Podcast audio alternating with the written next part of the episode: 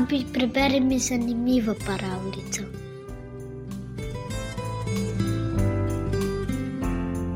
V starih časih, takrat, ko je Andersen napisal to pripovedko, niso poznali poštarjev tako kot danes.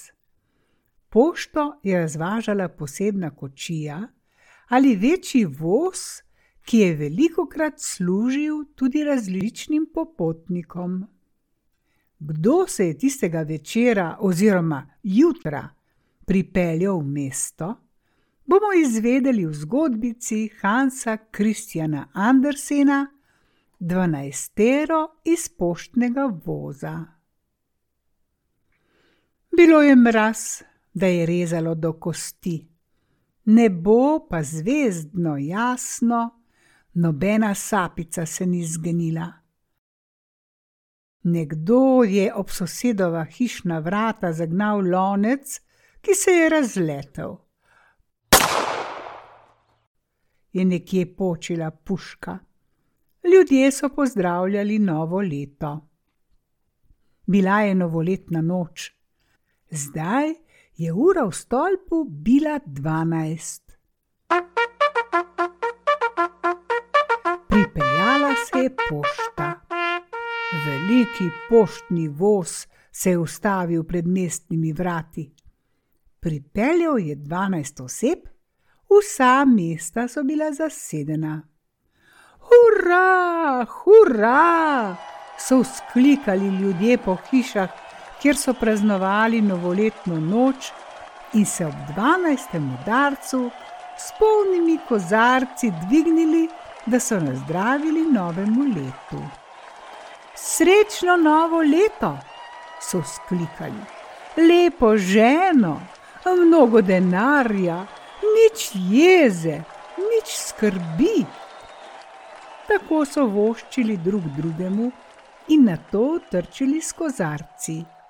Zvenelo je in pelo, in pred mestnimi vrati se je ustavil poštni voz s tujimi gosti, z dvanajstimi potniki. A kdo so bili ti tujci? Vsak od njih je imel potni list in prtljago s seboj. Da, celo darila so prinesli. Zame, zate in za vse ljudi v mestecu. Kdo so bili? Kaj so hoteli in kaj so prinesli? Dobro jutro! So vzklikaje pozdravili stražo na pragu mestnih vrat. Dobro jutro! jim je odzdravila straža, saj ura je že odbila dvanajsto.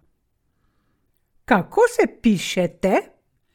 Vaš poklic? je vprašal stražar tistega, ki je prvi stopil z voza. Poglejte sami v potni list, je odvrnil mož. Jaz sem jaz. Bil pa je res pravi korenjak, odet z medvedjo suknjo in na nogah je imel kožuhaste škornje. Jaz sem tisti, od katerega si ljudje mnogo nadejajo. Pridi jutri k meni, dam ti novoletno darilo med ljudi sipam droben in debel denar. Da, tudi veselice prirejam, kar enaintrideset veselic priredim. Več noči pa ne smem zapraviti. Ladje so mi zamrznile, tudi v moji delavnici je toplo in udobno. Sem trgovec, pišem se januar in s seboj imam samo račune. Zdaj je stopil z voza drugi. To vam je bil bratec Veselinko, ravnatelj igralske družine, ravnatelj maškerat in vseh mogočih zabav, ki si jih človek le misliti more. Njegova prtljaga je bil velik sod. Iz tega le soda, je dejal, bomo opustu izpustili mačka. Bodite brez skrbi, Zabavali se boste vi in tudi jaz. Vse dni biti vesel, vam pravim. Prav dolgo mi ni dano živeti. Od vse naše družine je meni odmerjeno najkrajše življenje. Jaz namreč bom star samo 28 dni. Včasih mi res pritaknejo še en dan, a to mi je malo mar. Ura! Tako ne smete upiti, je dejal stražar. Hej, seveda smem upiti, je vzkliknil mož. Jaz sem pust in se pišem februar. Iz voza je stopil zdaj tretji. Videti je bil kot pravcati stradež, pa je kljub temu vihal nos, zakaj bil je v sorodu s štiridesetimi mučeniki in vrh tega je bil vremenski prerok. To pa ni nič mastna služba in zato je tudi hvalil post. V gumbnici je imel šopek vijolic, a bile so zelo majčkene. Gospod Marec, Marec, je zaklical četrti in ga udaril po ramenu. Ali ti ne gre nič v nos? Hitro v stražarnico, tam pijejo punč, tvoja najljubša krepilna pijača. Že tu jo duham, brž, brž, gospod Marec. To pa ni bilo prav nič res. April mu je hotel le za prvi april zagosti. Tako je četrti možic začel svojo življenjsko pot. Sploh je bil videti zelo živahen. Delo mu ni nič kaj dišalo, zato pa je dosti praznikoval. Ko bi le bilo na svetu malo bolj stanovitno, je dejal pa si zdaj dobre, zdaj slabe volje, kakršne so pač okoliščine. Zdaj dež, zdaj sonce, zdaj v hišo, zdaj iz hiše. Sem tudi nekakšen stanovanjski posrednik, tudi na pogrebe vabim, znam se smejati in jokati, kakor pač kaže tule v kočku imam letno obleko, a bilo bi zelo bedasto, če bi jo oblekel. Tu sem, tu me imate. Za njim je stopila z voza imenitna deklica, gospodična Maj. Nosila je letno obleko in galoše, imela je lipovo zeleno krilo, v laseh veternice in je tako dišala po dišeči perli, da je stražar moral kihniti. Na zdravje, je dejala, to je bil njen pozdrav. Kako ljubka je bila, pa ne gledališka pevka in tudi ne poulična pevka, ne, ampak gozdna pevka. Hodila je po pravkar ozelenelem gozdu, in pela v lastno zabavo. Zdaj pride mlada gospa, so skliknili oni v vozu, in ven je stopila res mlada gospa, nežna in ponosna in lepa. Kar poznalo se ji je, da je ta gospa Juni, navajena postrežbe lenih zaspancev. Na najdaljši dan v letu je prirejala veliko pojedino, da bi gostje imeli dovolj časa pospraviti vsa nešteta jedila. In sicer je imela svojo kočijo, a vendar je potovala s pošto, kakor ostali, ker je hotela pokazati, da ni ošabna. Toda brez spremstva ni bila. Z njo je bil njen bratranec, gospod Juli. To vam je bil dobro rejen fant, letno oblečen in na glavi je imel panamski slamnik. Imel je zelo malo prtljage, ker je ta v veliki vročini lev nad lego. Zato je imel na sebi samo kopalne hlačke, to pa ni veliko. Pa je prišla obilna gospa August, prodajalka sadja na debelo, lastnica dolge vrste ribnikov, kmetica v veliki krinolini. Bila je debela in vroča. Vsake stvari se je lotila sama in tudi kar sama nosila pivo delavcem na polje. V potu svojega obraza boš jedel svoj kruh, je vedno govorila. To je zapisano v svetem pismu.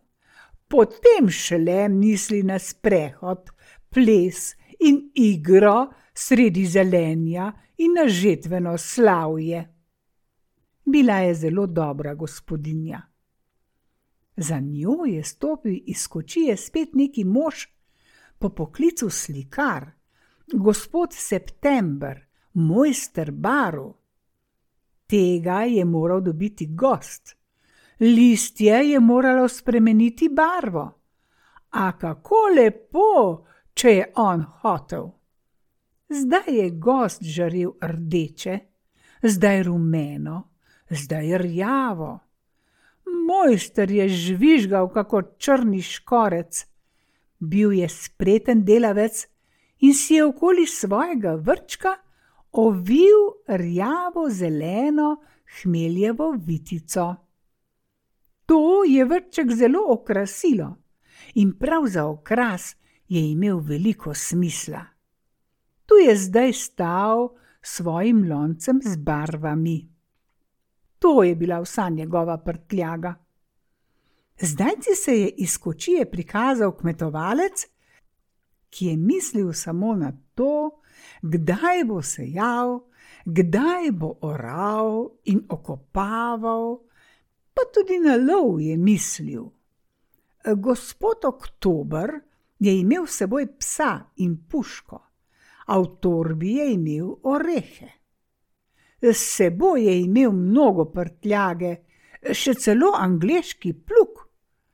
Govoril je o poljedelstvu, a ker je njegov sosed neprenehoma kašljal in stokal, ga ni bilo dosti razumeti.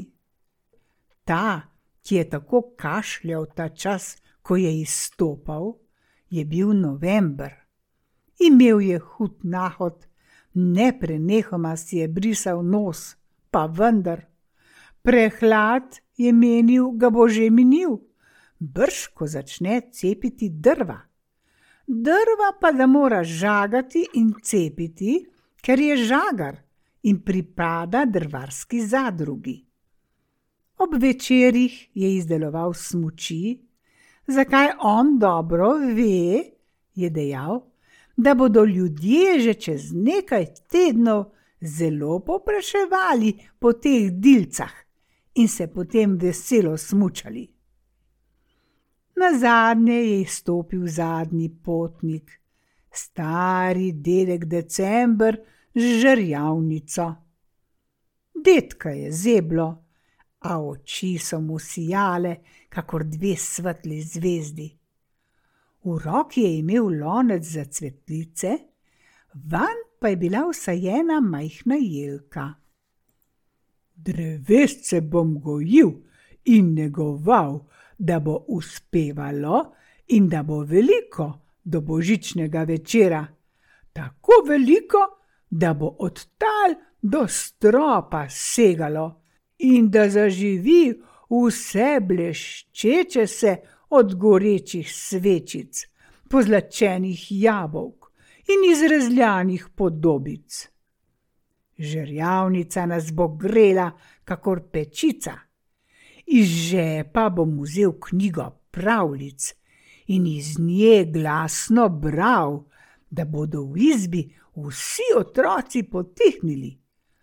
Podobice na drevesu pa bodo oživele in voščeni angelček prav na vrhu drevesca bo razprostrl zlate peruti in splaval zelenega vršička, in vse otročiče in odrasle v sobi poljubil, pa tudi tiste tam zunaj, ki stoje pred vrati in na cesti in prepevajo pesem o tihi sreči in daljni zvezdi. Tako, zdaj se kočija lahko odpelje, je dejal stražar. Tu imamo vseh dvanajst, naprej, naslednji voz. Pošli vendar najprej teh dvanajstero k meni, se je oglasil službujoči častnik. Drugega za drugim. Potne liste obdržim. Vsak velja en mesec. Ko mesec poteče, zapišem v potni list, kako se je njegov lastnik vedel. Gospod Januar, izvolite vstopiti in gospod Januar je vstopil. Ko poteče leto, ti povem, kaj je teh dvanajstero prineslo tebi, meni in nam vsem.